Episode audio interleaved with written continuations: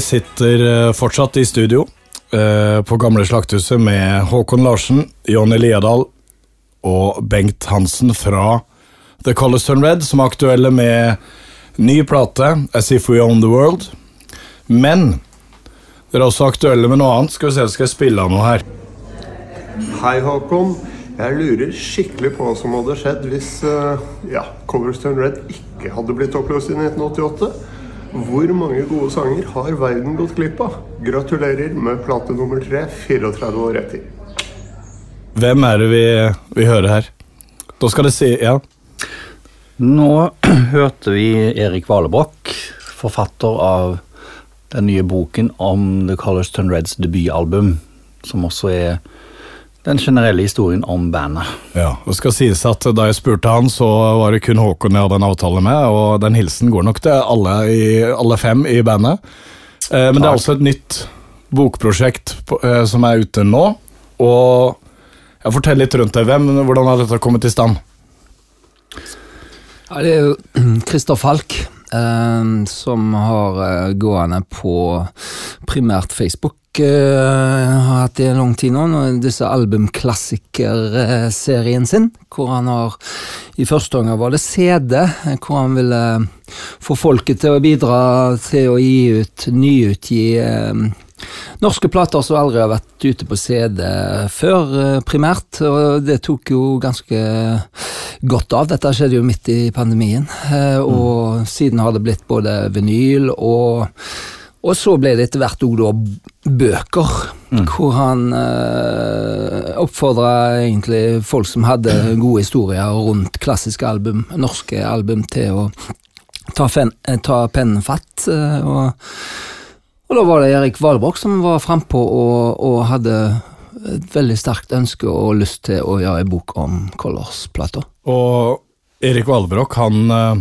han, kjenner dere godt fra før. Mm. Hvor hvor lett var det da å være dønn ærlig i, i, den boka?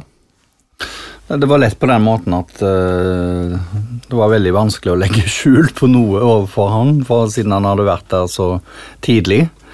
Han ble kjent med oss uh, allerede i uh, eh, 1984.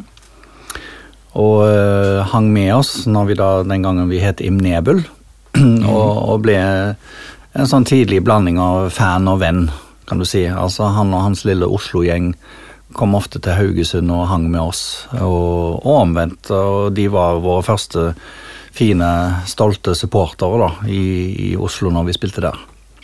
Men, men dette er ikke bare ei bok om uh, om album, debutalbumet deres. Det er også en bok om uh, litt om musikkmiljøet i Haugesund. Vi snakka litt om dette i, mm. i forrige uh, i del én. Mm. Uh, ta for seg litt hvordan dere F.eks. her, Jonny og Håkon, hvordan møttes dere? Ja. For dere møttes før uh, Bengt kom inn i bildet? Ja, ja, ja litt før, ja. ja. Mm. Før. Nei, altså, vi, vi kom jo fra, fra samme bydel, eh, i Haugesund, sør bydel, og bodde bare noen hus oppafor hverandre, egentlig. men jeg Ja, Håkon har jo sin versjon, men det var vel Vi hadde et band, om meg og Morten Jackman, Steinar Liadal, eh, pluss en bassist som heter Hansi. Mm.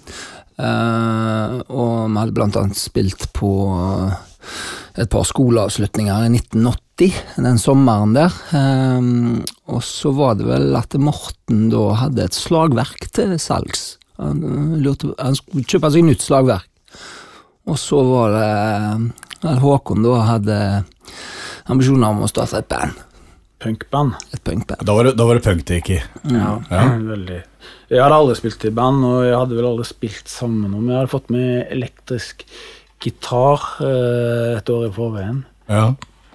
Så jeg var, jeg var veldig hekta på punkrock. og Eh, bestilte masse singler og, eh, fra England i tillegg, så, så, det var et veldig godt miljø for singler i, i Haugesund på den tida. Narvesen platebar, der Egil Hauland eh, sto bak disken, Jon Bendik Helmersen.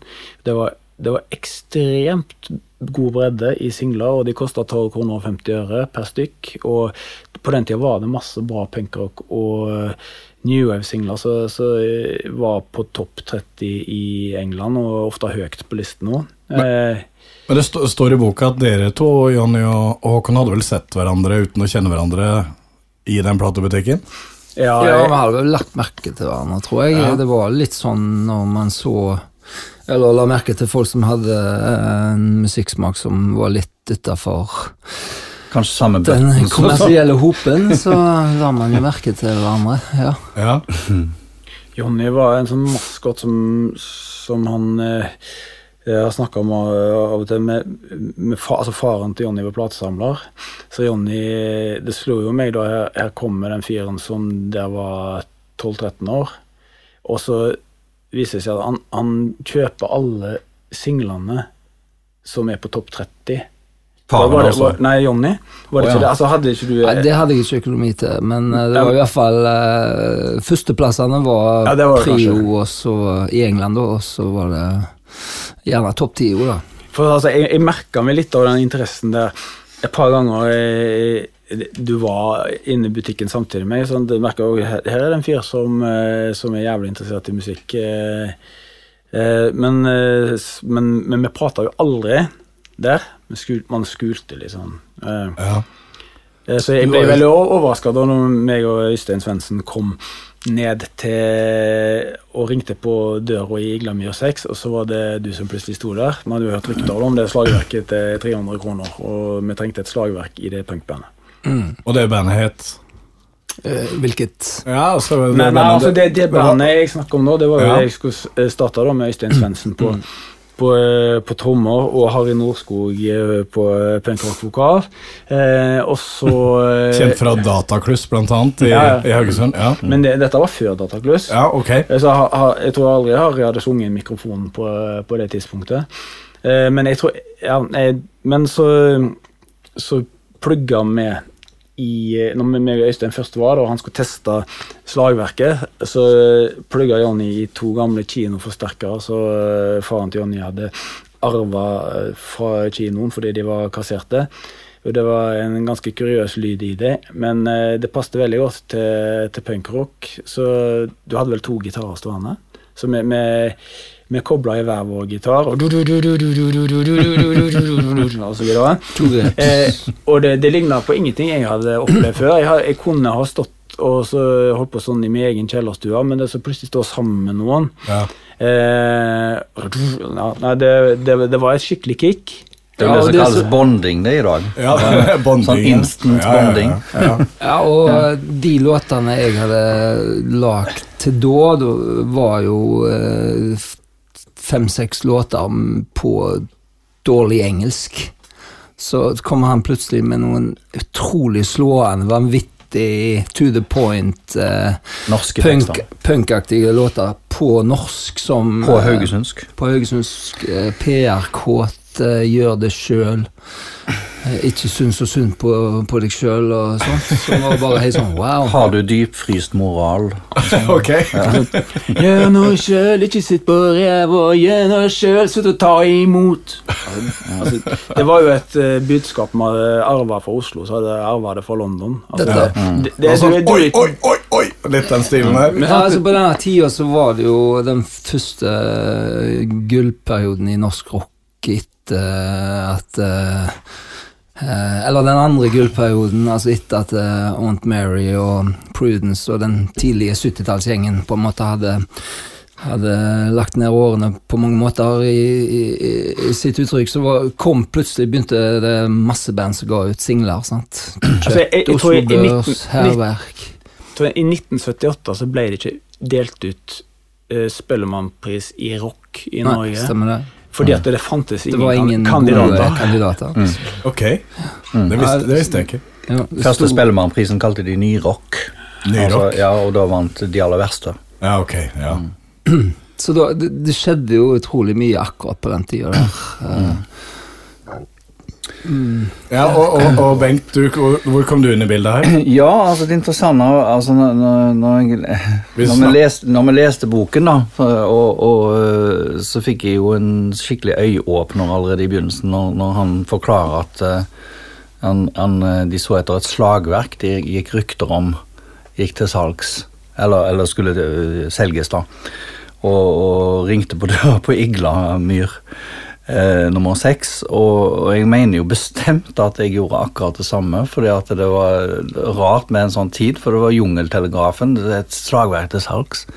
Og jeg har et veldig klart bilde av at Morten kommer ut, og det må ha vært på Iglamyr Ja. 6. Mort, Morten Jakman. Ja, ja.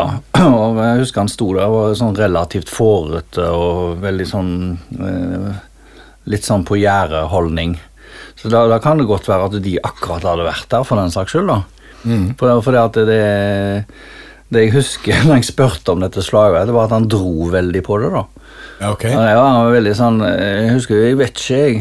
Han- Jeg tror han sa 'jeg vet ikke', jeg, eller noe sånn sju-åtte ganger. eller noe sånt. Mulig at de skal pusse det opp, eller noe sånn. Og beholde det sjøl. Ja, at det var plutselig var eh, Ok, ja, nei, jeg vet ikke, jeg, sa jeg heller. Så jeg har bare hørt at det var snakk om et slagverk til salgs. Og det var jo deg, da. Men, men var bare, da var det bare Morten. Jeg kan ikke huske at du, du viste deg noe særlig. Men eh, Nei, for vi hadde egentlig akkurat samme planer, da, vet du.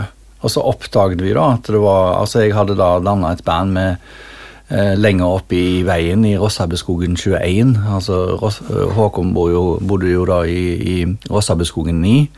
Og der hadde jeg da danna et band med en som het Wie. Og Nå, nå er vi i Haugesund, for de som, ja, i de som hører på. Det, og jeg bodde jo også i Søre bydel, så nå vi var jo Søre bydel-gutter alle. Så, så, eh, og det var altså i Rossabeskogen, og eh, Men meg og Øyvind hadde egentlig da holdt på ei stund, stund liksom prøvd å sagt ut instrumenter fra baderomsplater, og siden vi var barn og hjemme lagde slagverk og sånne ting. Så vi fant jo ut når vi begynte på ungdomsskolen at vi måtte jo få en fyr til inn. Ellers så kunne jo ikke dette her eh, gå på å gå. Og så fikk vi en Arild Andreassen da, som var helt, helt uerfaren på bass. Ja. Ja, så, så vi begynte i det små. Vi begynte nok antageligvis enda mer i det små enn en gjorde, som var mye mer sånn proffe fra, fra dag én, virka det som. Så, så, men det var i hvert fall Øyvind Wie da, som må ha truffet på kanskje særlig Håkon aller først. Fordi at en, plutselig en dag så sa han Han hadde ikke bare snakket med de, men hadde snakket med Håkon, men de skulle også ha en konsert. Konsert på selveste nede på eh, det som da fortsatt ble kalt Estrella, som senere var Melis. ja fri, fritidsklubb. Fritidsklubb, ja. Ja. Han eksisterer ikke lenger. Nede på Spannaveien.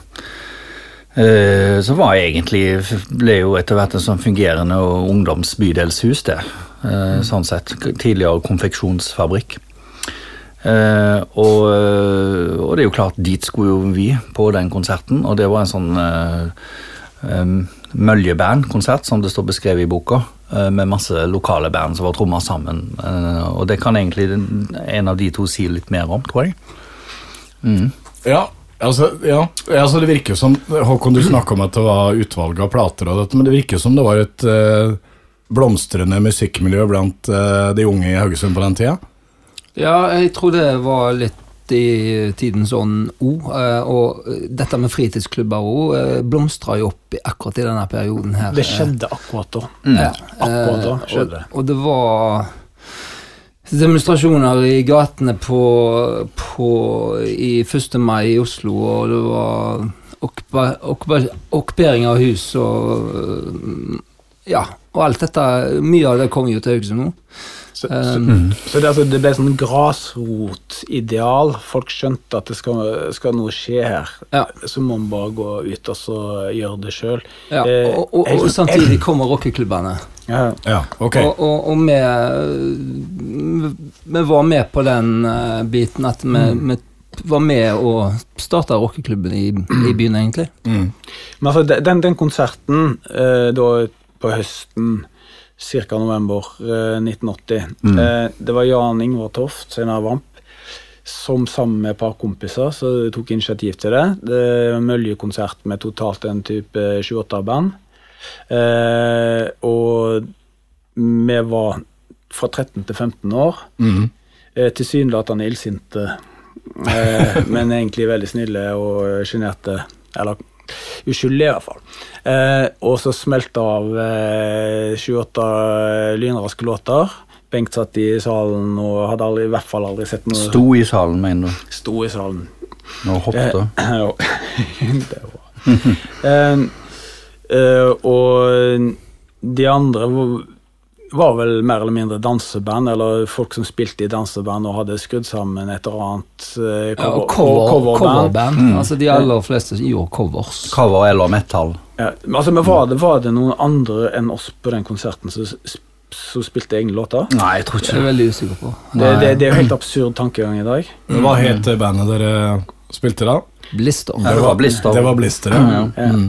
Men sant, da, da Bengt ble kjempeinspirert. Eh, det var sånn dette spredde seg over hele Norge. Eh, jeg hadde forresten sett Crisis eh, på den SU-turneen, Sosialistisk, Ungdom-turneen, året før. Det var ute på Karmøy gymnas, eller hva det kaltes. ja. For disse ikke vet hva Crisis er. Det var Det var et Eng- punkband fra Eng England. Ja. Og det var Sosialistisk Ungdom som hadde en turné gjennom hele Norge. Eh, med det bandet og et engelsk reg reggae-band som het eh, Cygnus.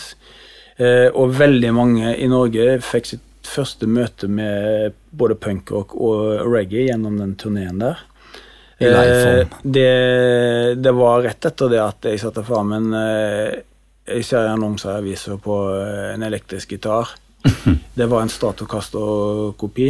Eh, kan vi kjøre igjen der og se på den?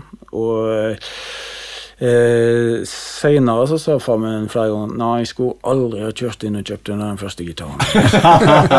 eh, han, han er ingen som har vært så stolt over det, vi har gjort i, med band som han, egentlig. Et, et, et, I etterkant, ja. Ja, men, men ja, nei, altså, det, det, det var jo Det var begynnelsen på noe. Bengt eh, og kompisene hans som sto og hoppa i, i salen når vi spilte, de ble jævlig inspirert til, å mm. til å sette i gang sitt eget punkrockband. Og det som skjedde da, det var at Rossabøskogen eh, ble et slags eh, Omtrent det samme i Haugesund. Eh, uten sammenligning for øvrig, som Seattle i, i USA i starten av 90-årene. Altså, Hvorfor i all verden skulle grunge skje i Seattle. I Seattle. Det finnes så mange andre store byer i altså, Og hvorfor i all verden skulle det plutselig være folk eh, som u, helt uavhengige av hverandre et, par, altså, et par hundre meter fra hverandre eh, begynner å øve på, i punkrockband i, Så det var i, smitteeffekten? i hvert sitt Nei, ja, nei. Eller? Nei, altså, jeg, jeg tror, altså, sånn som du forteller det, Bengt, så, så, så var dere i, var i i, den, i den retningen. Var dere i retningen? Vi var i gang.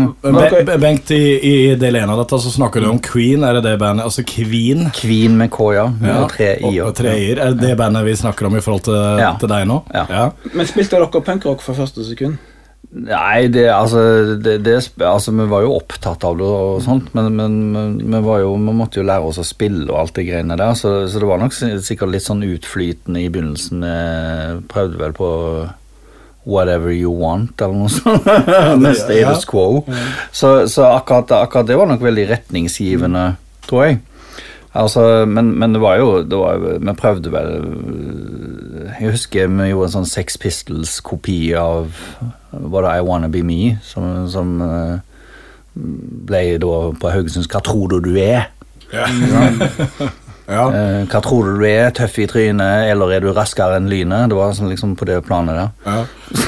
Submission var jo en ganske grei låt du gjorde. Gjorde dere ikke den? Nei, jeg tror faktisk ikke. Jeg tror ikke Jeg det. jeg husker. Submission. Ja, det er sikkert. Men, men i fall. Men det viser jo eh, ikke til å legge skjul på at uh, som en sånn blueprint uh, det Queen havna på TV med, var jo en låt som heter 'Lag det sjøl'. Da hadde jo han allerede lagd 'Gjør noe sjøl'. Ja. Uh, så det er jo ingen tvil om at innflytelsen var der. Ja, Altså det, Dette snakka vi om, men bare for å ta deg tilbake i, i del én. Altså, da var Flimra på Ja. besøk i Haugesund, og for de der ute som hører på dette, som ikke har sett det, så veit jeg det ligger ja. på YouTube. Ja det, ja, det ligger på Eller NRK, NRK. Både, i hvert fall på NRKs sider. Ja. Ja. ja. Ja. Så, Ja, er til NRK. Ja. Så der kan en se både Blister og, og Queen. eh, Ja. Og da tenker jeg de i forhold til det jeg spurte om, da det må, det må jo en grunn til at de kom til Haugesund. Det må jo ha vært eh, blomstrende musikkliv som, mm. som Det var en del av en liten serie. Det, Jeg tror ikke de rakk eh, hele landet rundt, men de var, jeg vet de var i Fredrikstad eller Sarpsborg, eller en av de, og så var de i Haugesund. Så var de i Bodø ja. oppe i nord. ja. Og det var Dag Åkesson Moe det som var eh, programleder og sikkert prosjektleder for det opplegget. Jeg husker bare det var en sånn audition da oppe i Rossabbeskogen, og da måtte jo faktisk eh, eh, Queen ned i kjellerstua til Blister. Fordi at det, man måtte slå det sammen der, og det var to, to karer da fra NRK med stort skjegg, husker jeg, og, som bare satt der. Jævlig bra.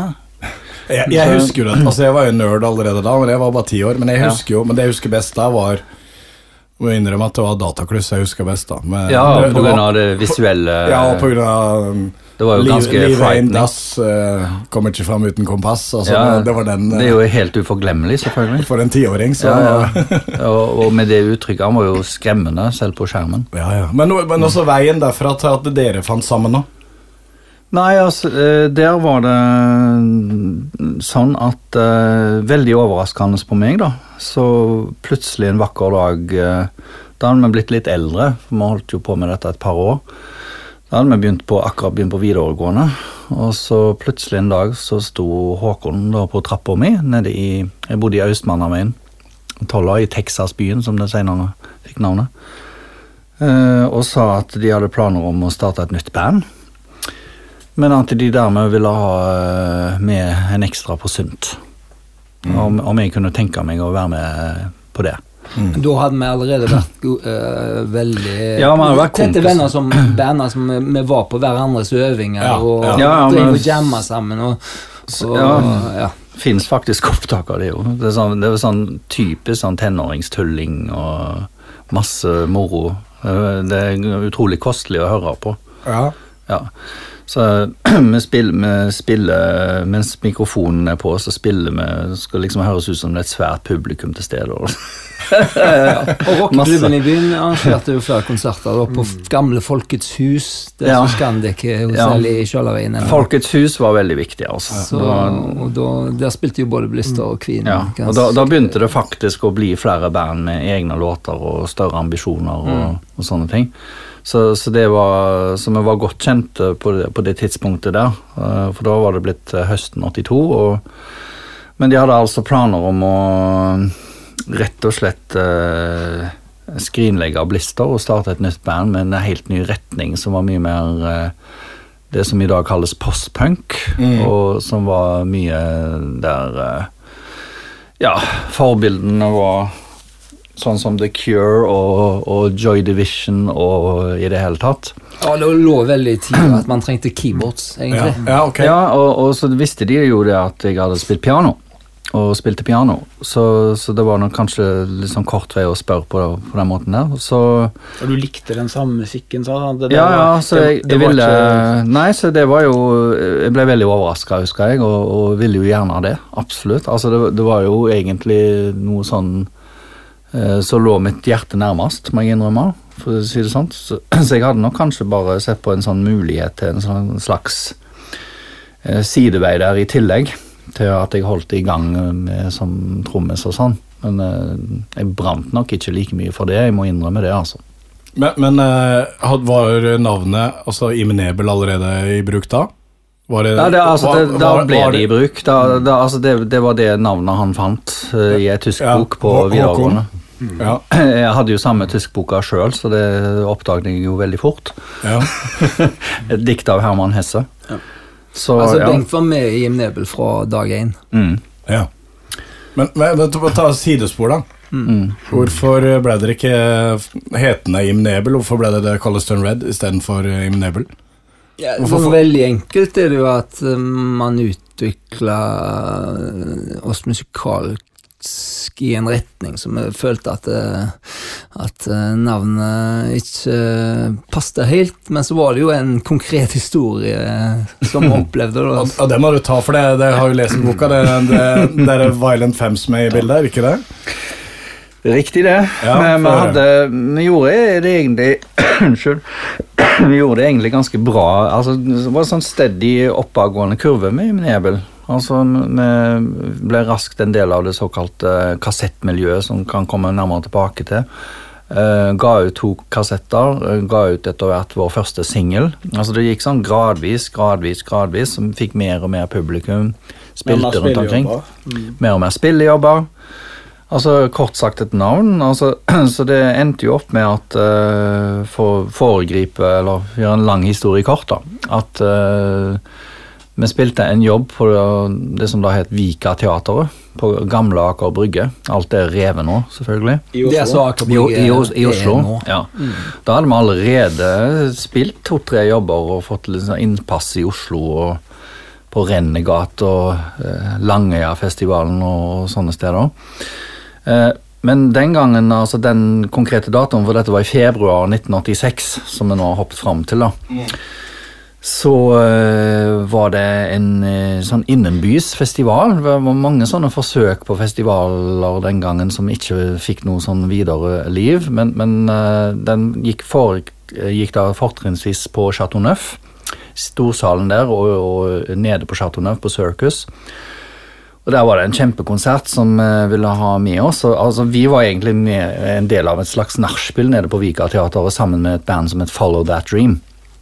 Som også var kjent, eh, etter hvert ganske kjent da i, i undergrunnsmiljøene. Og Blant annet Aslak Dørum spilte jo bass der, han senere i DumDum Boys. Dum Dum Boys, ja.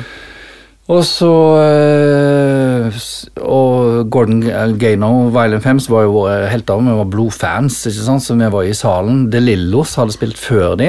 Og, og Erik Valebrokk, som har skrevet boka, jeg husker han var til stede. Han var jo overbegeistra. Han sa he, 'Hele Chateauneuf klapper for De Lillos', husker jeg. Og. De hadde kun gitt ut én Ja, og, og han Ja, var ja. like blodfan av de, ikke sant. Så, så det var en sånn Veldig fin tid, altså. Veldig Ja. fin tid.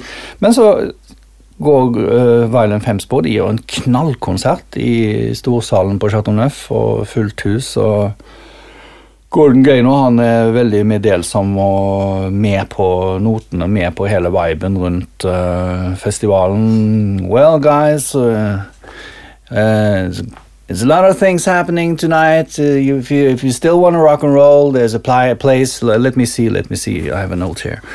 Called uh, Vika, Vika Theat- Theatre, uh, Vika Theater. And gonna be a couple of bands there tonight. Let me see. Uh, Follow That Dream and um, I'm Nebel. ja. Det var Hvis du har et øyeblikk i livet der du vil synke i jorda, vet du, så er det da. Så Så, så det var Altså plutselig Altså plutselig eh, så Åssen skal du eh, si det, åssen skal du uttrykke det? Så blir jo eh, ditt gamle, stolte navn Det ble jo bare plutselig eh, eh, forandra til en geléklump. En sånn råtten geléklump. Det var Nå, kanskje da på en måte spikeren i kista Ja, altså det var i hvert fall den første spikeren i kista. For det, det, det, var, det var et sånt skudd for baugen. Altså, altså på det tidspunktet så var vi begynt å, å utvikle oss eh, så veldig mye vekk også fra de opprinnelige kassene. Vi må huske på at vi var fortsatt veldig unge. Altså det med Mutasjon 7-kassetten ble lagd mens vi var i, fortsatt var i tenårene. Og når, når du sier vi nå så er, Ja, i Nebel. Ja, så, Ja. så er eh, Da er Colosseum Red-bandet Altså Da er det Ketil Andersen og Morten Jochmann på plass? Nei, Ketil kom ikke før i omtrent nesten samme, samtidig som vi skifta navn til The Coloston Red. Ja, Okay. Noen måneder senere. Ja. Så, så i mellomtiden da, så hadde Im Nebel hadde litt gjennomtrekk da, på bassistsiden. Først var Thomas Rønneberg med. Steinar, eh, Fetter Steinar til Jonny ble ikke med videre over fra Blister, så da var det Thomas Rønneberg som var med i den første tida. Og øh, han, øh, han, han, var, jo en ressurs. Kanskje en litt sånn underspilt ressurs. Det var han som bygga, han var sånn øh, kongenerd som bygga den første synten jeg spilte på. Han var liksom en sånn kapasitet. Mm. Men uh, jeg hadde sine interessefelt, og, og, og fant vel ganske fort ut at uh, dette var liksom ikke noe Jeg tror ikke han helt trivdes i bandkonstellasjonen. Og fant nok ikke sin plass. Men så Så, da, kom så kom Pål uh, inn. Jackman. Pål Jackman inn. Paul Jackman, Og han fra- tør jo være kjent. Ja, både undergr undergrunn, Wunderkammer og seg sjøl. ja, ja. Og lillebroren til Morten. Lillebroren til Morten, ikke minst. Og, men så ville skjebnen det sånn at han var bare med et halvt års tid, for han var utvekslingsstudent til USA. Aha. Ja, Så han var der på ett år på, midt i videregående tida. Et helt år er mye i den alderen, altså. Så, så han fikk da en stand-in, og han var litt av en stand-in, for å si det sånt. det var Ove Fiskåen, og, og han ble vi kjent med pga. hans veldig spesielle bakgrunn. Altså, altså Når vi først oppdaget han, så, så, tenkte vi i alle dager for en fyr var det. For han var jo egentlig oppvokst i Kuwait og gikk på amerikansk skole der. For det var sånn shippingfamilie som bodde der. De var bare hjemme i feriene. Så han var jo eh, mildt sagt skrudd, for å si det sånn. Kom med arabiske fraser og i det hele tatt. Så han, han var egentlig gitarist, da. Men når han da, eh, da vi blitt kjent med han, og når han skjønte og lukta at den eh, plassen var ledig, så kasta han seg over den plassen. Uh, og, og, elsket hvert sekund og adopterte, gikk over, adapterte til bassgitar med en gang og spilte faktisk Jim Nebel i to år. Ok. Ja, og, og, og dermed så Men så ironisk nok så dro han av gårde til USA også, men han ble jo der. Og, og, er der fortsatt. Okay. og ble en sånn naturalisert uh, redneck uh, psychobilly-texaner, og er det vel fortsatt. Og, og små, småflypilot. Okay. Ja, og, og i, i, den sammenhengen da, så, så nok en såkalt stand-in, for det, alt var jo sånn stand-ins, skulle nesten ha inntrykk av, i hvert fall en periode. Så, så kom Ketil inn i bildet da. da da, da, men han hadde faktisk rukket Ove, altså. Og spille på to demoer som vi gjorde i Radio Haugesund, faktisk. Okay. Ja, med, av The Big Balloon og Can't Get Over, som kom på debutalbumet til Colliston Red. Ja. Så da kom, da kom Ketil inn. Men hvorfor eh, ble det Colliston Red? Nei, det var jo at vi hadde en låt med Nebel. Eh, vi ga jo ut singelen The Colors Turn Red Just Like That eh, rett før vi skiftet navn, eller et halvt år cirka før. Just wait till I'm sober.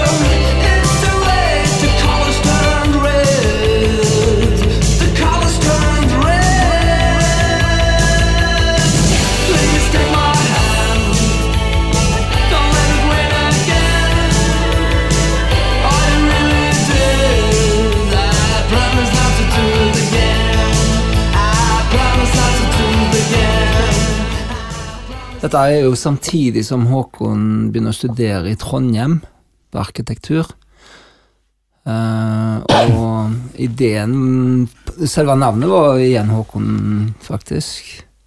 Mm, han foreslo det var plutselig en dag på et postkort. Ja, men Det var jo etter at mm. Gordon Gaino uh, kalte oss I'm Nebble. Mm. Uh, da skjønte vi vi skjønte både at uh, navnet ikke fungerer i seg sjøl, pluss at mm. vi hadde utvikla musikkstilen så veldig mm. langt vekk i det som var utgangspunktet, da vi var inspirert av Cure og uh, Joy Division. Mm.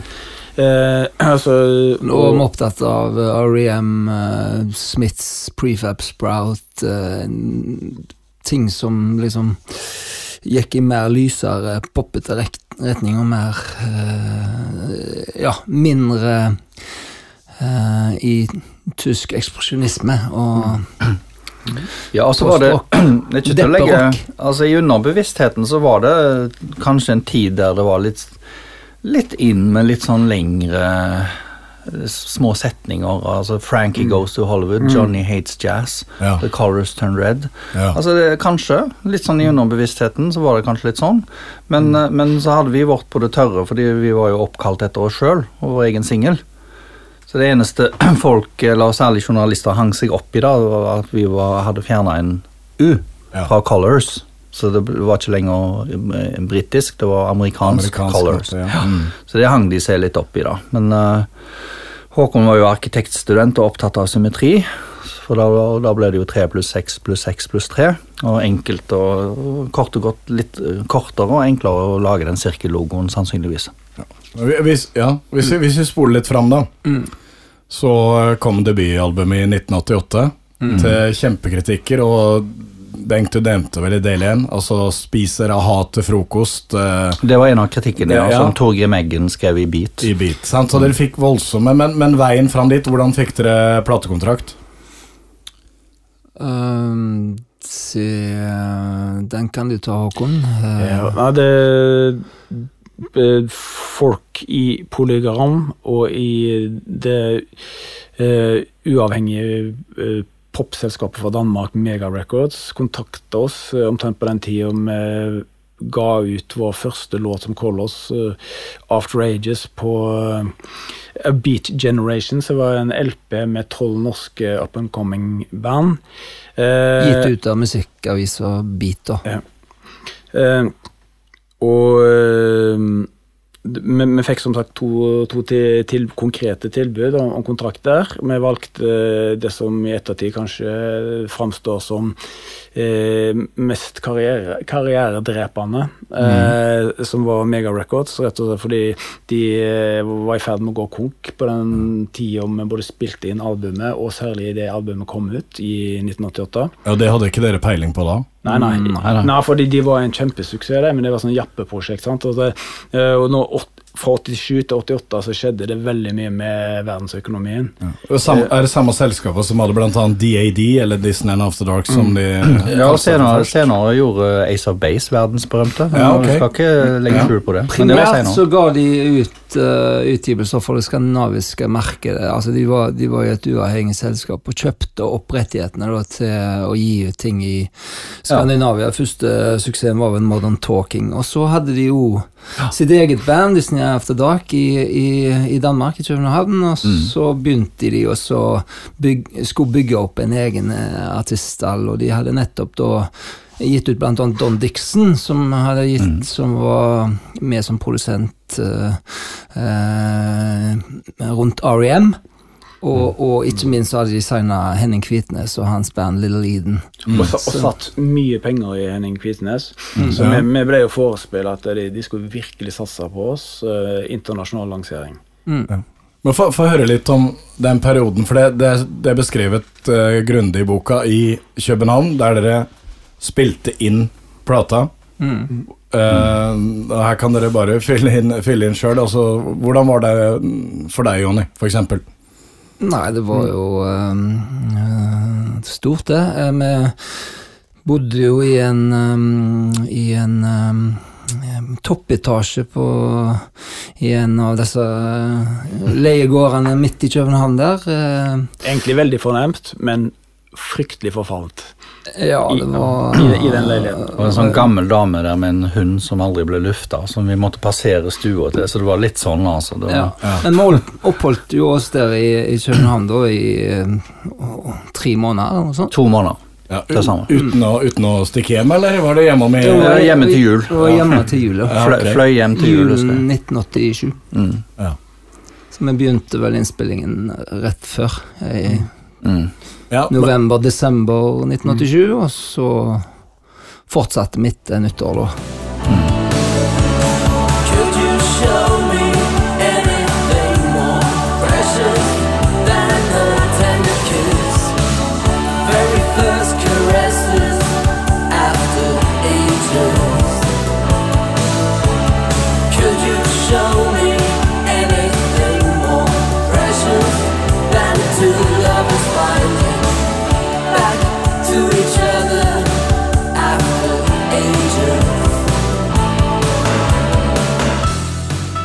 Men i forhold til låter, i forhold til vokal, det er beskrevet i boka ganske krasse, krasse meldinger fra, fra produsenter etc. der, var det ikke det? Jo, vi fikk kjørt oss på den måten at vi, vi hadde ikke så mye studioerfaring utover at vi hadde vært i Sigma. Det var det, det som var vårt første studio, Sigma ja. i Bergen. Og da hadde vi jo bare gjort én eller to låter. Ja, og lynraskt. Vi, vi, mm. var, vi, var, vant til at det var mye mer profesjonelt enn vi gjorde hjemme i, vår egen kjeller, mm. men mm. det gikk nesten like raskt. Mm. Eh, ja da, og, og, men ok, vi hadde vært der, og der, der var jo Svein Hovland, vet du, først i bandet Gjennomslag, senere i Blind Date. Han ble mm. en slags mentor, studiomentor for oss. de, de følte seg nok kanskje litt sånn uh, småskuffa at vi valgte København, fordi de, jeg husker fremdeles den dag i dag at uh, på Hulen, i garderoben på Hulen, så når Svein Hovland senere kom inn vi, vi kunne lagd et jævlig bra album, vi også. Husker jeg han sa. Husker ja, litt, litt, litt, snurt. Litt snurt, ja. Det var. Og, det, og var jo, var jo midt i smøret der på den måten at uh, første Colors-demo, eller den siste Colors-demoen vi gjorde med fire-fem låter, var jo med Yngve Sætre, tross alt. Så demo med han, det høres jo veldig råflott ut i dag. I Sigma. Barbie Bones. Barbie Ja, Bones, ja. ja så, så Ja, produserte en del Dundum. Ja, han ble senere en veldig kjent produsent, og han var vokalist i Barbie Bones senere.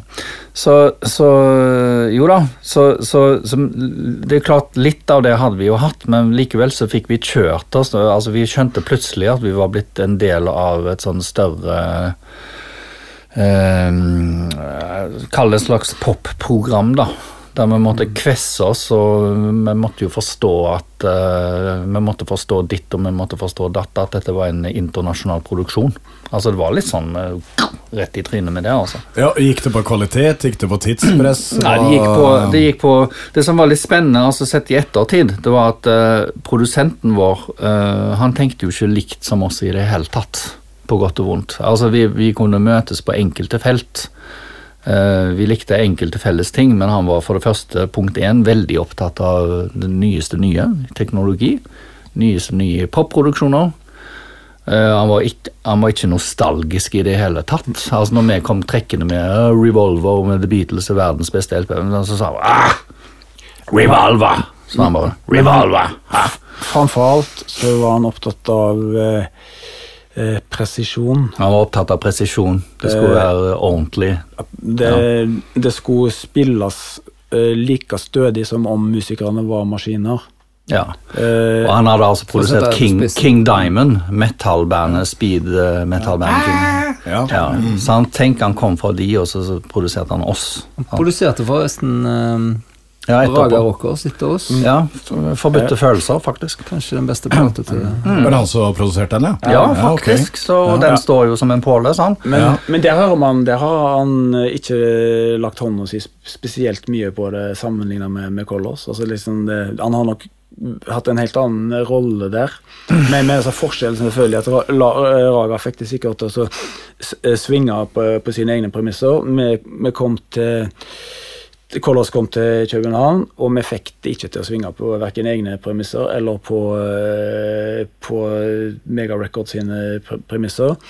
Så eh, da, eh, da var vi eh, tatt på senga, frustrert, eh, og prøvd, altså, all, vi prøvde jo, eh, selv, selv om de, de hadde sine preferanser, vi hadde våre preferanser, så var det en vilje der til å så møtes på midten eller i en annen Og retning. vi var kvikt med på notene, da. Vi hadde jo forberedt oss på dette nesten et år, eh, og veldig grundig, liksom. Eh, så vi følte jo at vi var godt forberedt, men vi det, Men, det var, men, så- men, en- men så skjedde det noe i forkant, og dere måtte utsette å dra ned, måtte dere ikke det? Og, Jo. Det, det, altså, vi skrev kontrakt sommeren 87, Ja. og var samtidig hos Kildefestivalen som gjester, da. Ja, altså privat. Ja. Men, men, eh, men så var det noe med Morten fikk problemer med blindtarmen og måtte operere den, og ble veldig satt ut uh, lenge etter det, uh, av det. Trom, trommis, Morten Jackman. Ja. Ja, og meg var veldig utålmodig. Ja, nå må dere skynde dere ned, vi må få spilt ut den plata. Det er ikke så høyt, det var selvfølgelig at vi begynner å slite med likviditeten. Vi må få ut eh, eh, nye varer som vi kan tjene penger på. Eh, Selvfølgelig. men, det, men det, hele høsten gikk da uten at vi, vi var i stand til å dra i studio. Mm. Men, ja. men Jonny, du fikk kjørt deg litt der, gjorde du ikke det? I forhold til vokal? Absolutt. Fortell, fortell litt om det. Nei, altså det, det, Man uh, må jo ting, ta ting om igjen om igjen, liksom. Og det tar jo på. Ja. Ja, hva, hva gjorde det med deg, da? Nei, det bygger jo ikke selvtillit nødvendigvis. Uh, men vi, fant jo en form på det til slutt som funka. Ja. Så, så Men det var jo en eh, eh, tøff periode i starten. Eh, så det var frustrerende, det. Men det tror jeg var for noen og hver her. Ja, på, på hvilken bare er så nysgjerrig på hvilken måte fikk dere tilbakemeldinger eller beskjed på det? Altså var det, det var ikke Nei, det går jo på at uh, ting ikke sitter og er bra nok, liksom. var, var det direkte midt i trynet, eller var det liksom Ja, ja. pedagogisk innpakka? Nei, jeg tror pedagogikken var relativt langt eh, vekke. Ja. Men- ja. det, var, altså, det var jo ikke bare Jonny. Det var meg på gitar, og det var Morten på trommer. Vi var altfor lite ta etter for den typen uh, produksjon som uh, Robert Falcao, Roberto Johansson, som han egentlig heter, uh, pleide å lage og var innstilt på å, å gjøre med Carlos. Han hadde gode grunner for oss å uh, stille så profesjonelle krav. Uh, det var egentlig bare Bengt og Ketil som var musikalsk profesjonelle nok til å også være med i den retningen der. Mm. Uh, bare, de, de, kommer fra en sånn state of the art-greie som egentlig har hatt som har tradisjoner uh, til tidens morgen i, i musikk- og platebransjen. Uh, husk på annet på 60-tallet. altså Det er få av platene som du liker, hvor egentlig bandet spiller. da. Mm. Altså Det er studiemusikere som spiller, og det er mm. for å spare tid og for at ting skal sitte. Ja. Mm. Så det, det var de en del av. den Eh, det var litt av tradisjonen deres, da. altså selv, selv The Beatles, som spilte på sine plater, det måtte jo Ringo tåle å høre i begynnelsen at ja, den nye trommisen Jeg vet ikke om jeg helt stoler på at han leverer, sa. George Martin. Så det, det, ligger i den profesjonelle studiosfæren, det, altså. Mm. At de er veldig på vakt, og at her skal vi lage et produkt og vi har eh, akta ikke å kaste vekk noe tid. Men hva gjorde, hva gjorde, dette med dere som band, da, og kjemien dere imellom? Altså, klarte dere å holde sammen, eller var, hvordan ble dette her?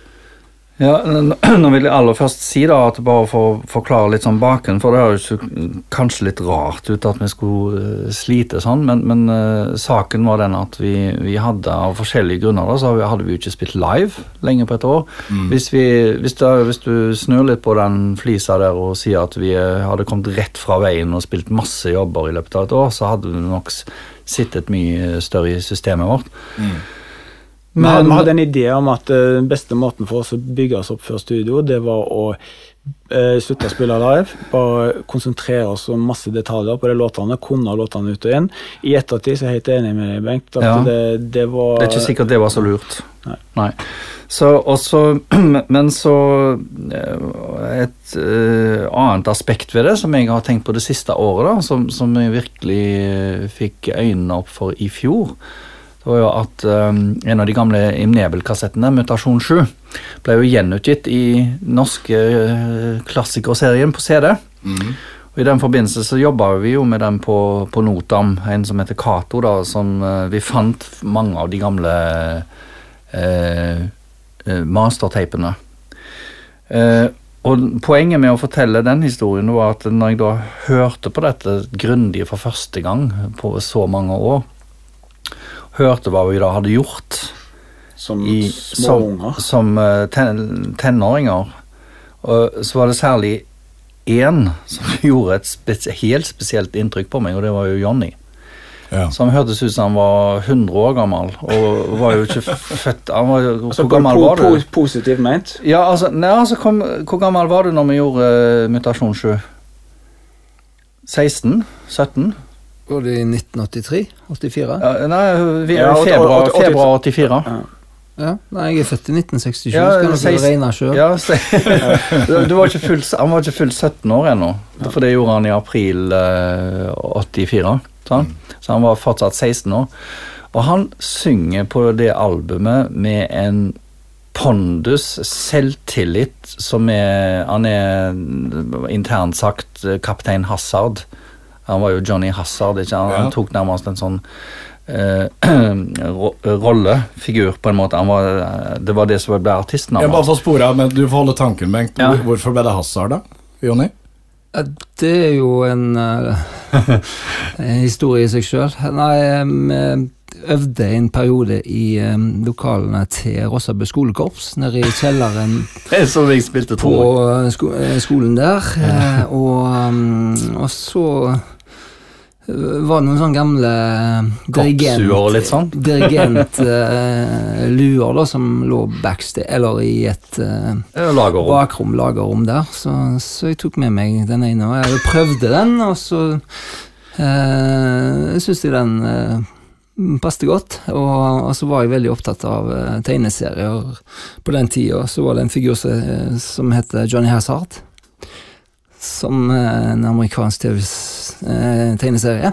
Og um, så han nikka bare den lua og rossa på skolegård, reiv av emblemet. Så ble det Så ble det Ja.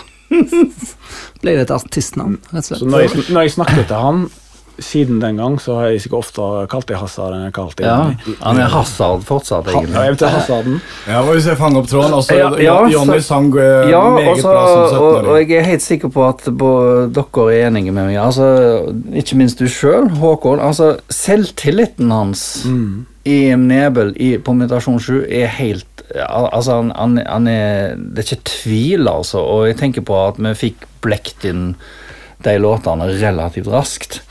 Og så må du se dette i sammenheng med utviklingen vi hadde. Ikke minst han som låtskriver. Uh, Peker du på Håkon? ja, uttrykket forandrer seg. Altså, Jeg sa til Erik Valebrokk at det er masse du ikke har hørt, fra 85 spesielt. Uh, nok låter til å fylle et album, faktisk, som aldri er offentliggjort. Der hører du prosessen. Eh, hva som er på vei til å bli The Colors and Red. Okay, Og det er ja. masse prøving, og det, det er mye mer i retning i USA, ikke minst. Men vi begynner å prøve å spille eksperimentere på andre måter. Jeg spiller mye, mye mer piano, en annen type piano. Mer sånn retning The Doors, egentlig. Sånn Raymond Sarrick. Eh, Men på den, uh, i den perioden der så leverer jo jeg jo en del låter, da. Så, Ja, ja, ikke minst. ikke Eh, sant? Og, og, og du, du, du, du hører det litt sånn streben etter et annet uttrykk, men, men når man da spoler litt frem til debutalbumet til The and Red, så var låtene og hele prosessen rundt låtene og idealene rundt låtene og det var blitt så forandra at jeg vil si det så sterkt at eh, Johnny som vokalist nest, måtte nesten på veien uh, gjenoppfinne seg sjøl. Fordi at den røsten og de fraseringene og hele den Det er så forskjellig fra Im Nebel. Det, det, det er så forskjellig at, at eh, når han da ikke har fått prøvd det nok på en scene i året forut, så skjønner jeg godt egentlig sett i ettertid at det kunne bli problemer med det. altså. Fordi at da var det strenge krav til klassiske popfraseringer som eh, messingen til Im Nebel ikke hadde hatt, kort og godt. Det er derfor jeg ville fortelle den Ja, ja, ja, parallellen. ja. Men, altså, men et, etter at vi da Blake Colors begynte å spille mer R.E.M.-aktige ting, Ja. eh, og eh, hadde egentlig et gjennombrudd etter gjennombrudd sånn med, med å bli skamrost av pressen i Oslo, bli invitert til Beat Generation osv. Mm. Eh, og ganske mye spillejobber rundt omkring. Så jeg, jeg opplevde jo at, at du hadde jævlig bra selvtillit på scenen fortsatt der. ne? I hele den perioden. ja, ja, absolutt. Så du, du var heller, altså både meg og deg, vi var så uforberedt på øh, de nye kravene som ble stilt i studio, og hvor eh, definitivt det var. Det var liksom ikke noe å diskutere. Eh, her, her, gjør, her gjør vi det på denne måten. Men la det ikke være noen tvil, det er jo jeg som synger på plata. Ja, ja. ja, Ja, og Effektet det funka etter hvert. Ja. Ja, altså, det, det blei jo et kritikerrost album. Ja, eh, altså- hvordan, hva er forholdet deres til det albumet i dag? Hva ville dere gjort eh, Jeg har et veldig godt forhold til albumet. ja. Jeg syns akkurat eh, Altså Når du ser det i etterkant eh, i forhold til måten Altså eh, Jeg tror aldri vi hadde kunnet klart å gjøre, gjøre det albumet noe annet sted i Skandinavia med Altså, det at vi ble eh, kjørt oss på den måten som vi ble, og at det ble resultat av den eh, produks produksjonsestetikken, eller det som gjaldt der, så, så står det seg i dag som et bunnsolid produkt hvor ting svinger og Og eh, ja, det er, det er tids... Eh, altså det er en del av en team, men samtidig så, så får låtene nok skinne gjennom til at det står seg i dag, liksom. Ja. Så det,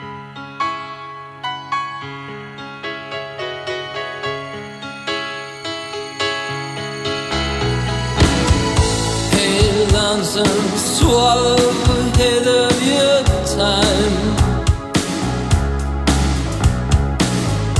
We welcome you with frost and rime.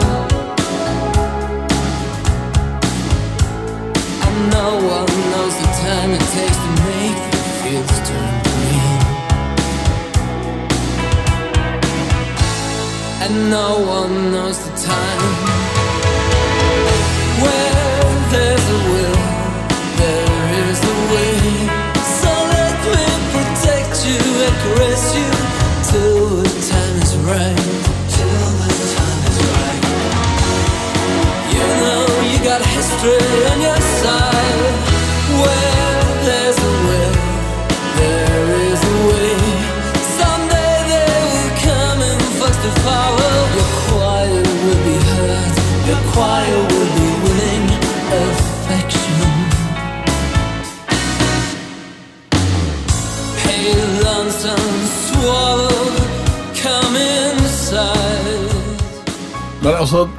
da gir du ut dette her på er det, April. april i eh, 88, 88. Mm.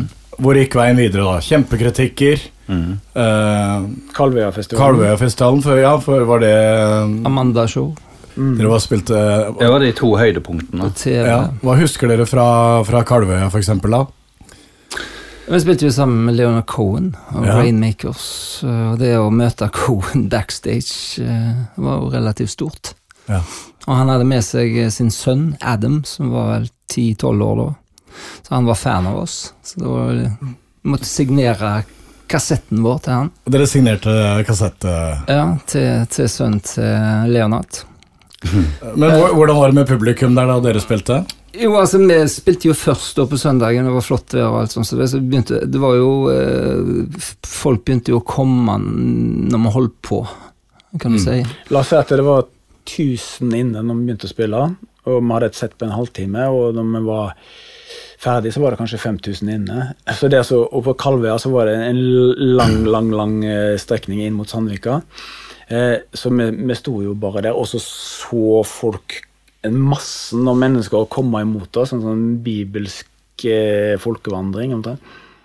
Det, for- det gjør nå det med gutter i tidlig i 20-åra. Ja, og ikke minst eh, eh, nervene er jo til å ta og føle på.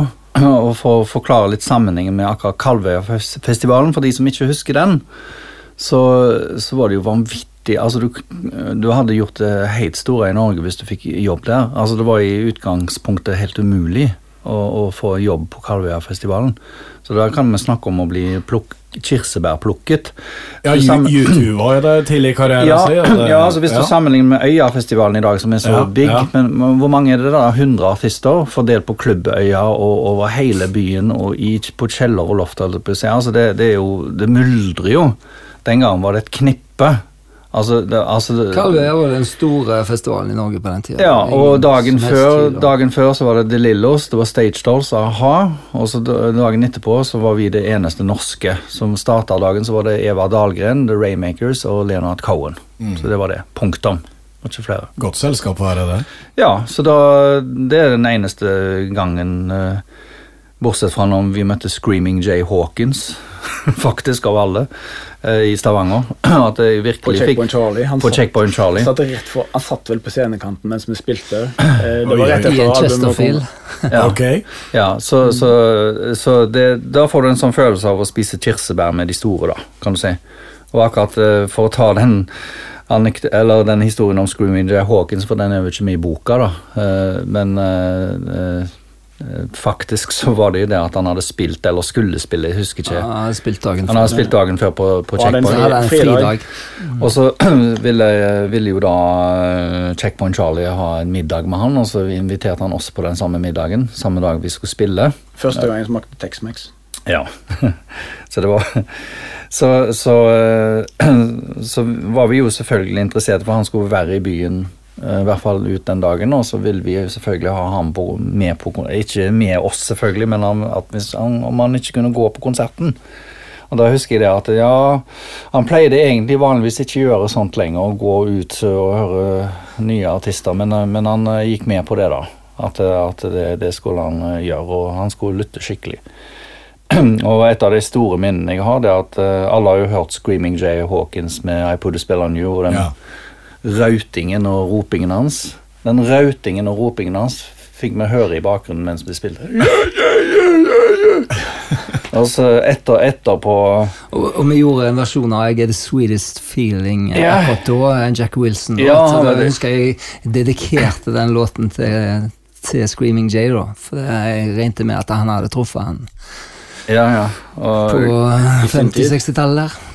Ja, og så sannsynligvis mitt største øyeblikk i livet på den fronten der var vel når han etterpå da eh, Jeg støter på han etterpå konserten. Hey man, you're one Great keyboard player, man! Sier Screaming Jay Hawkins til meg. ja, det, det jeg kan tenke meg hvordan det føltes. og så nevnte dere Amanda. Ut, utdelinga. Dere spilte Too Proud to Tell der, gjorde dere ikke det? Med, med mima. Ja, mima, Dere mima, ja. Ja. ja. Det var vel, tok vel litt tid å rigge om, tenker jeg. Ja, nei, det var jo direktesendt TV. Ja, så da- jeg vet jo hvordan det er. Ja.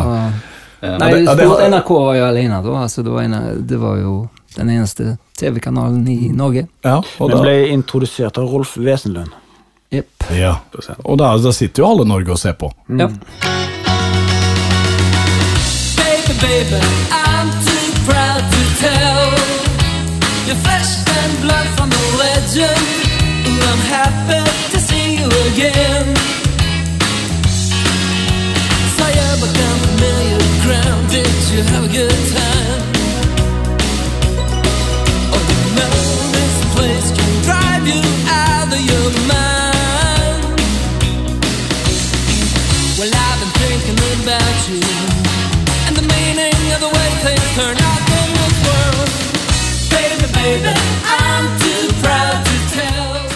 Og, men, men så er det, tar jeg, hvis jeg vet jeg har feil på datoen, men 7. desember samme året, Ja, det kan stemme. så er dere ferdig. Ja, Da det ble, det ble off offentliggjort så vi er Ja. ferdig, fordi det ble en avskjedskonsert, to avskjedskonserter i romjulen Ja. i 1988. Fordi Hvorfor stopper dere da, når det er altså, det, Dere har vært på Kalvøya, dere har vært eh, på TV, dere har fått et kritikerrost album. Hvorfor gir det, Vet du hva, Skistad, det er det store spørsmålet. Ja, og det vil jeg gjerne høre litt om. Det, Håkon? det var noe som ingen så for seg skulle komme. Ja. Det var noe som aldri burde ha skjedd. Eh, og hadde vi tenkt sånn som folk tenker i dag, og sånn som vi tenker om det i dag, så hadde vi merka at ok, nå, nå er det et eller annet som stopper opp her. Vi, vi har det ikke hyggelig på øvingene. Vi har den musikalske framgangen, eh, kommersielle suksessen stagnerer. Nå skal vi ta oss en skikkelig pause. Om den tar et halvt år eller tre år, så får det være. Eh, og så kommer vi sammen og så lager vi en ny plate som er minst like bra som den første. Men det, det, det var liksom Det var ikke noen eh, Det var ikke noen aktuell tankegang på den tida. Nei. Hva var det som gjorde at det ikke var hyggelig i studio, da? Nei, altså det, det, skjedde, det skjedde Man må jo ta med her at uh, i, i tiden etter utgivelsen av plater som hadde fått så fantastiske kritikker, for nå snakker jeg om virkelig fantastiske kritikker, Ja, han fikk det. så ble vi plutselig vi ble veldig skuffa og desillusjonert og demoralisert av at uh, når vi da reiste rundt på de småturneene som vi fortsatt var på, for det var litt sånn bolker, vet du. Men vi var tross alt rundt omkring i land, og der fant vi ikke eh, plater i butikken. Og det var jo helt avgjørende på den tida, at du fant plater i den lokale Vi var jo flinke til å sjekke lokale platesjapper, og der Jo, men vi har jo forsøkt å bestille den, men det var ikke plater å få fra den distributøren da, som eh, Mega da hadde skifta til akkurat selvfølgelig når vår plate skulle komme ut, fra, eh, fra EMI til eh, Polygram. Altså, ikke, ikke bare det, Bengt. Jeg ble oppringt Ja.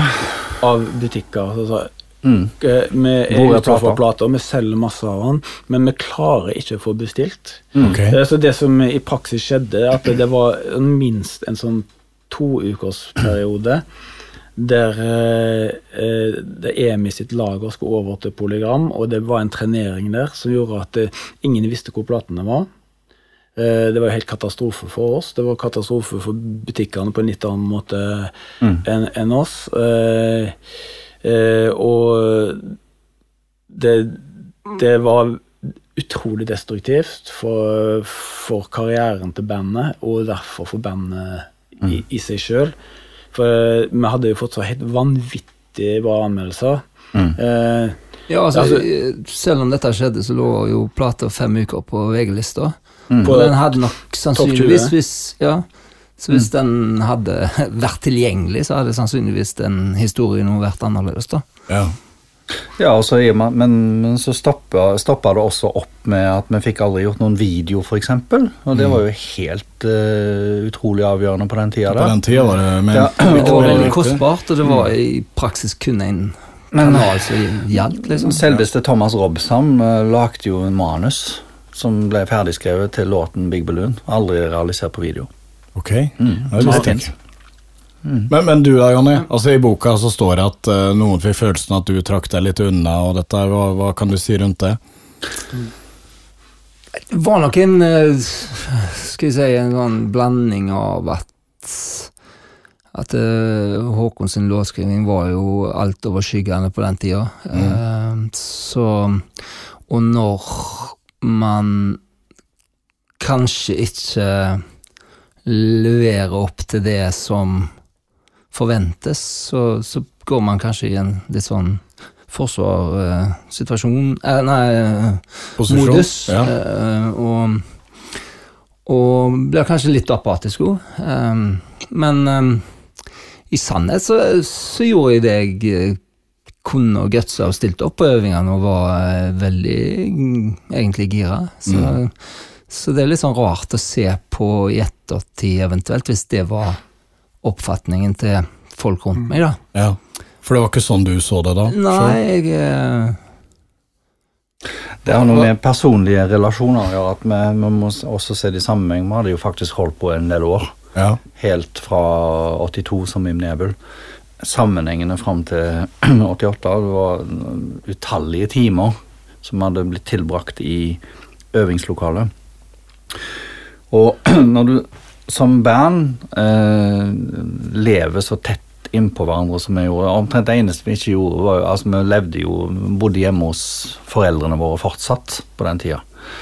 Så, så det var det vel det eneste vi ikke gjorde, at vi bodde i samme husvære. Det hadde jo kanskje vært et uh, skritt på veien videre hvis vi hadde flytta til Oslo eller noe sånt. Men, uh, men eh, det, det var ikke mangel på vilje. Altså når vi, når vi satsa profesjonelt, satsa proft, som vi sa den gangen, så var det jo med Vi gjorde det i to og et halvt år. ja, i to og et halvt år, og da var det med den innstillingen at nå går vi på jobb. Altså vi går på jobb fra morgenen og øver fra morgenen. Da var den innstillingen der. Så vi hadde jo jobba veldig hardt. Og vært veldig tett på hverandre, og vi hadde vært i studio. Og det var vel det egentlig som begynte å kreve sitt, tror jeg. Altså at de per personlige relasjonene musikalsk begynte å tære på. Og, og når du da i tillegg har et eh, så godt vennskap som vi hadde, så, så er det jo det som egentlig da også er trua her. Når, når du både du, er, du er ikke bare profesjonelt sammen, men, men du er venner i tillegg. Og da skal du være veldig flink til å ikke miste kontrollen. Og, og sånn som jeg alltid har sett det, da, så, så mangla vi nok noen voksne folk rundt oss som hadde vært et management. Hvis vi, det hadde allerede vært på plass da, og sørget for at vi var en enhet som styrte og dro i samme retning og holdt oss i ørene når det trengtes, så tror jeg ikke vi hadde blitt oppløst så raskt. Men, men det mangla vi. Vi hadde ikke det. Vi hadde ingen voksne folk som sa 'skjerpings, nå må dere holde fokus her, ikke krangle for mye om det. Det er filleting. Uh, gjør ferdig den låten der, og, lag eventuelt en demo av den låten der, så ser dere og så finner dere ut av det, og ikke noe sånn eh, bickering i øvingslokalet om flisespikkeri eller noe sånn i den duren. Ja, Men istedenfor så var det det flisespikkeriet om at eh, den må gjøre det, og du må gjøre det, og den typen ting. Eh, Hva snakker du om musikalsk i låtspilling? Nei, jeg snakker om prosessen i øvingslokalet. fordi at i prosessen i øvingslokalet så, så blir det sånn Og det er alltid en fare det, altså når du, når du river hverandre ned mer enn du bygger hverandre opp. Altså det, det til denne dag alltid en utfordring, det. Ja. Altså, altså Du må alltid sørge for å eh, å, å være en support til dine spillekollegaer. Du må alltid liksom backe opp og si. Aldri glemme å si for mye av ja, det er bra. Behold det. Kjempefint. Vi gjør jo det òg, da.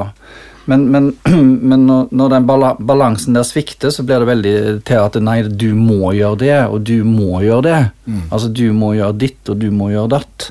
Og det er alltid en fare med det, for hvis det går over ende, så, så ryker hele stasen, i verste fall. For hvis det blir for mye av det, så blir det veldig dårlig stemning. bare for litt direkte her, da. I boka så leser jeg ut av Håkon og Jonny, Mm. at det var eh, musikalske uenigheter mellom dere to som var kanskje hovedgrunnen? Nei, ikke så, altså jeg vil faktisk korrigere det litt. Ja, det kan du få lov til. Ikke, nei, for jeg har et innspill på akkurat det. For jeg tror ikke de var så musikalsk uenige. Nei. Det gikk på øh, fremføringen. Ja. Få høre hva de sier, da. At, hva tenker dere om det sjøl, Håkon og Jonny? Ja, det jeg sier. Altså, jeg, Utførelsen. og, jeg, og jeg var genuint fan av låtene Håkon kom med, så Ja. det, lå, det lå ikke der. Nei. Eh, Men jeg, jeg skrev litt nye typer låter eh, som vi da hadde begynt å altså øve inn i løpet av sommeren eh, 1988. Det var liksom ca. fem låter. Eh, egentlig ganske annerledes type melodilinjer enn på det meste vi hadde fra før. Veldig inspirert av Elvis Costello, altså mye mer sånn snirklete vokaler. mer- Fraseringer, fraseringer. Hele tida. med mye mer krevende å, å forsere. Eh, og du ble frustrert, jeg ble frustrert. Eh, De har hørt Det- på soul, ikke sant? Alle de fraseringene som er der. eh, men, men men likevel, ok, det, det, var, det var frustrerende i, i øvingslokalet, gryende. Eh, men vi skal ikke glemme at vi hadde en, en, en veldig vellykka konsert under filmfestivalen på Betzy i Haugesund eh, i slutten av august. mm. Eh, og vi hadde et par jobber på Østlandet som gikk ve veldig bra etter det. Til og med Nord-Norge syns jeg jo det gikk bra i Tromsø, for eksempel. Men sant, ikke et sekund eh, før eh, Jeg tror det var på Kongsvinger i type langt ut i slutten av uh, september eller et eller annet sånt. Så plutselig så, så føl- bare mista jeg all tro på, på prosjektet sånn som det, det var da, og det var eh, takknemlig så han skylda på. Uh, og det ble Jonny. Og som jeg har sagt tidligere, da skulle vi bare sagt at nå, nå har vi kjørt oss inn i et spor, i et hjørne, eh, som bare blir mer og mer destruktivt. Nå tar vi en pause på ubestemt tid. Mm. Det, det er den største tabben jeg har gjort i livet mitt. At jeg eh, ikke skjønte at det var en mulighet. Altså det, jeg oppfatta det aldri som en mulighet. Det kan sikkert ha sammenheng med at jeg hadde hoppa av eh, et studium arkitekt i Trondheim som eh, etter to år og skulle gjøre karriere, og følte at eh, det var så mye som gikk rett vei, og så plutselig til alles overraskelse så bare så ble det liksom Det var liksom mye mindre og mindre snakk om Colors i løpet av utover sensommeren og sånn, og jeg følte at det kom Det var det andre band som hadde større suksess. DumDum Boys eh, eh, debuterte på plata eh, to måneder før oss. Eh, Backstreet Girls hadde gitt ut Boogie Till You Puke. Men altså, det, det betegnende var altså, det var, det var The Colors and Red som ble tilbudt å spille på, på Kalvøya det året. Ikke DumDum Boys, ikke Backstreet Girls. eh, Og det viser jo at vi har blåst en helt formidabel sjanse. Altså, Det har vi virkelig lært. At du får bare en sånn sjanse én gang. Det er ingen tvil om. Så enten så er du med på det toget, eller så er du ikke med på det toget. Og vi ble våre egne verste fiender. Det er derfor jeg sier at vi skulle hatt noen som holdt oss i ørene. Ja, fordi at den eh, Det, det med å bryte henne, minner meg om jeg har prata med Gåte her tidligere. De sa de fikk en manager med fotballbakgrunn eh, som eh, virkelig var avgjørende for at Ja. de klarte å få til det de, de fikk til. For de var noen rabagaster, sa de, og Ja. han eh, strukturerte hverdagen. Ingen tvil. Ja. Ja, nei, det er, men altså et, etterpå, da, hvis vi tar det, planla dere å fortsette eh, etter at Jonny hadde gitt seg?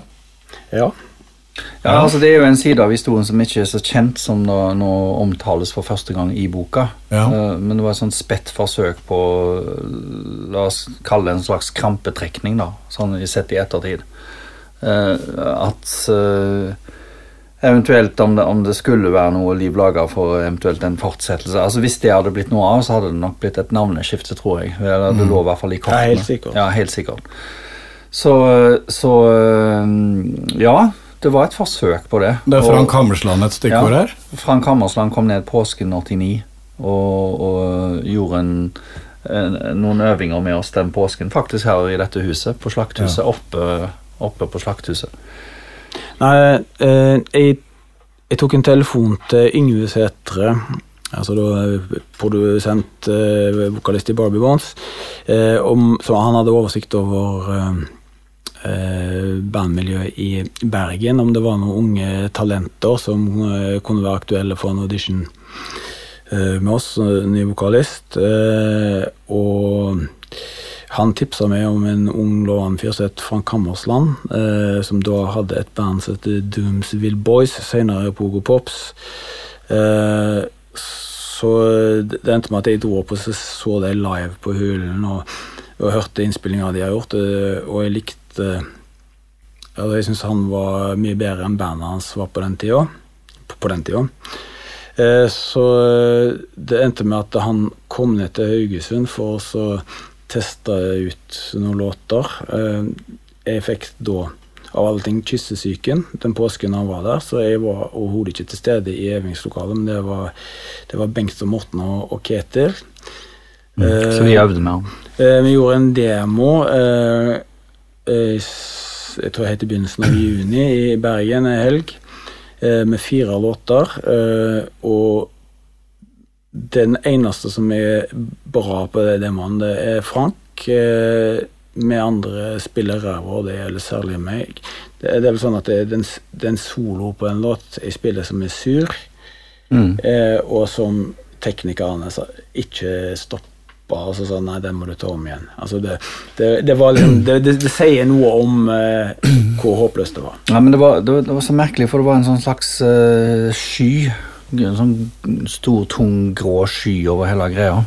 Altså, vi var nok eh, fortsatt prega over den opplevelsen vi sjøl hadde eh, fått året før når vi ble oppløst, og det var jo eh, avskjedskonserter som var holdt, så, det, så jeg husker bare at det føltes veldig tungt å eh, forsøke på noe nytt igjen.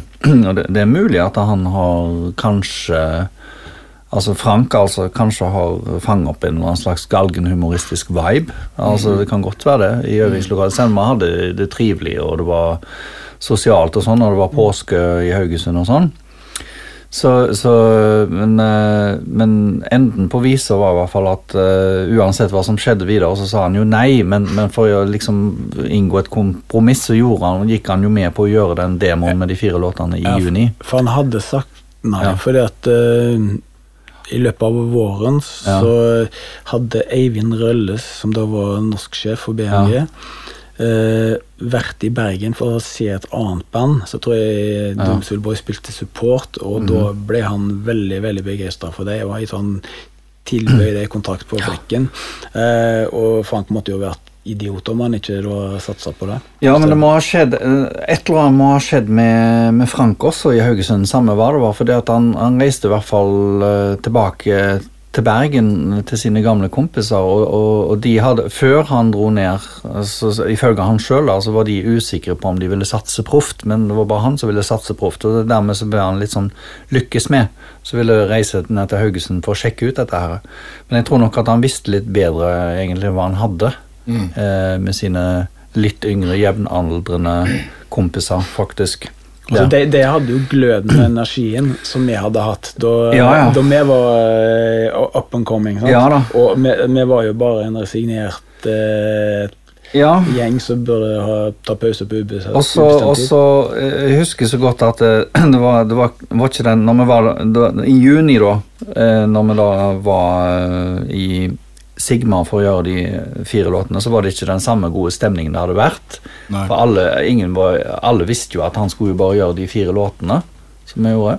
Husker Svein Hovland stakk innom, han var rolig og sa ikke så mye. Og så er det den gåten med at på en av de låtene så er det en skamsur gitarsolo. Hvorfor er det det? Altså, hvor, Hvorfor var det ingen som Ingen som ga beskjed om at det hadde jo bare, Nei, den må du nok ta om igjen. Hvorfor skjedde det egentlig? Det er ingen som har svaret på det. Men, det. men det er ganske symbolsk for vår tilstand da, at vi var totalt drenerte, Ja. eh, egentlig. Og hadde vel egentlig ikke noe Det var, det var ikke noe igjen, altså. Det var eh, etter, etter på det så dro de fleste av oss, hvis de ikke hadde gjort det allerede, på lange reiser. Altså så, både, både meg og deg flytta fra byen. Ja, ja samme, samtidig så flytta vi fra byen. Og, Jeg har, jeg har ikke bodd i Haugesund siden. Nei. Nei, jeg har ikke bodd i Haugesund siden jeg heller. Sånn, så, så eh, Men, men Jonny, du på denne tida, da, da var, du, var du fint ferdig? For dere var kompiser fortsatt, var dere ikke det? Jeg bodde eh, faktisk i, i Bergen eh, halve året når, når du holdt på. Uh, ja. Ja. Ja, han flyttet til Bergen Visste du om det at, uh, at de prøvde å Ja, vi skikke var jo såpass kompiser at jeg eh, fikk jo litt info på det. Ja. Ja. Hva tenkte du rundt det på den tida, da? Husker du det? Nei, det var kjipt, det. Ja. Helt klart. Men eh, eh, jeg har jo tatt inn over meg at, uh, at vi var oppløst. Så, ja. Og, Altså, det, må jo være jo- tungt, det må jo være tungt for han. ikke sant? og dere, dere fortsatte jo ganske umiddelbart med Pål og, og Ketil Enne Kippers-prosjektet. Nei, det tok litt lengre tid. Al- Altså, det var ikke i, i eh, Ja, men dere var samla en eller annen øving. Nei, altså ikke før seint i 1990. Ja, men- men altså, uansett- så det, det uansett- tok litt tid det, før det. Konseptet var så annerledes, for det var et hobbyband. Det var, det var noen som skulle leke seg helt uhøytidelig. Ja. Mens det, det vi hadde holdt på med Colors, det var så jævlig gravalvorlig. Mm. Nei, nei, jeg følte meg eh, godt satt på sidelinja, ja, og, men eh, Mm. Men eh, Men Ja. eh, For å ta det sånn, så var det jo Man følte jo eh, litt avmakt Ja. der og da, når ting skjedde. ja. Så Vi, vi følte avmakt alle sammen, på hver, hver vår måte. sånn er det. Men, men, men så spoler vi fram, da. Ja. Til 2006. Eller i forkant. 2004, Ja, faktisk. hva, hva, hva, hva skjedde da? Nei, det var jo feiring av 150-årsjubileum i Haugesund, og i den forbindelse så var det en gjeng som med Jon Berner Espeland, Oskar Eriksen, som eh, som eh, lagde noe som heter Sildarisp. Ja. Og det skulle være en sånn hyllest til eh, pop- og rockehistorien i Haugesund, da. Ja. Så de lagde til et svært arrangement på Byscenen eh, våren 2004. Eh, og vi ble jo forespurt om vi ville være med, da. Og, og det takka vi ja til. Hadde dere ikke snakka noe om dette de åra imellom, da? Om å, gjøre, å komme sammen igjen? Nei, Nei. egentlig ikke. Jeg hadde vært helt kategorisk uinteressert, men jeg hadde, jeg hadde jo ikke spilt i band i det hele tatt før jeg ble med i Holy Martin i 2000. Ok. Og da Med, ja, mest, mest som en vennetjeneste for Ja. Helge Martin i utgangspunktet, og ja. Martin Framnes, men eh, nok om det. Ja, men, ja, men hva, hva gjorde det med dere, da? Altså, det, det medførte jo at det kom et album et par år etterpå, så hva var Ja. følelsen da? Bengt, Bengt var jo med i, i Ole Martin. Ja, Bengt var med, i Ole Martin. Ja, nei, vi gjorde jo to låter, da, og, og det, det ble en veldig sånn positiv energi og effekt ut av det. Eh, lot oss rive med, og det var folk rundt Altså Bjørn Fløystad var jo med i Holy Martin, da, så han så ting litt utafor, tror jeg. Så han var veldig entusiastisk. Og folk var entusiastiske på den konserten. Ja, kan dere ikke gjøre mer, liksom? Ja. Eh, og det så begynte vi å tro litt på det, da. Og så var det den en sommeren da, 2004 at vi, vi samla oss en del i Oslo, i øvingslokalet til, til Holding Martin, og, og, og begynte å og så I all hemmelighet. I all hemmelighet, egentlig. Ja, Eh, ja. Så balla det litt på seg, eh, og det ble til at vi annet spilte inn Back by Christmas. Eh, og ikke minst at vi satte opp den eh, konserten da, andre juledag på, på Byscenen eh, i 2004, i jula Mm. der. Der det var fullstappa? Det var helt fullstappa. Det var en helt fantastisk opplevelse. Ja. 120 desibel. Her vi, sitter, her vi sitter nå, vi sitter jo noe som heter Gamle Slakthuset. Her har dere Her har dere minner. Ja, herre min hatt. eh, Her Vi var jo med på å åpne huset. Eh, altså 1. Ja. mai eh, 1983 så lager jo da NRK en, en direkteoverføring eh, på TV, nasjonal TV. Hvor de, inn, hvor de har innslag fra Haugesund, da, fordi de Altså, huset her eh, blir åpna, og alle planene som er for huset, og det blir en sånn generell dekning av ungdomsmiljøet i Haugesund. For dette var jo et program som var lagd i en slags sånn forebyggende sammenheng for- forhold til opptøyer, i, eh, særlig i Oslo, da, i, i gatene på 1. mai. Og få folk til å egentlig sitte hjemme og se på, på nattrock heller. Eh, og, og så da var vi jo eh, heldige å få bli med der, sammen med Vestlandsfanden. Og, og fra den dagen Det var jo en issue for oss å ha en plass å øve. Vi øvde lenge i kjellerstua til Håkon i Åsabøskogen 9, Mm. men det er jo klart at vi gikk jo Altså, foreldre og andre som bodde i det huset, syntes jo det var litt kjipt, for å si det mildt. Så, og, så ble vi, og så var det jo vyer på dette huset om at de skulle bygge rockekjelleren som vi sitter i nå, annet med øvingslokaler og sånt. sant? Eh, Så vi, vi øvde flittig her i egentlig alle årene. Jeg, Fra jeg, det. jeg husker jo det. Jeg har jo litt sånn fotballreferanse av og til dette programmet her. Og jeg flytta til Haugesund da jeg var ni, fordi faren min var fotballtrener.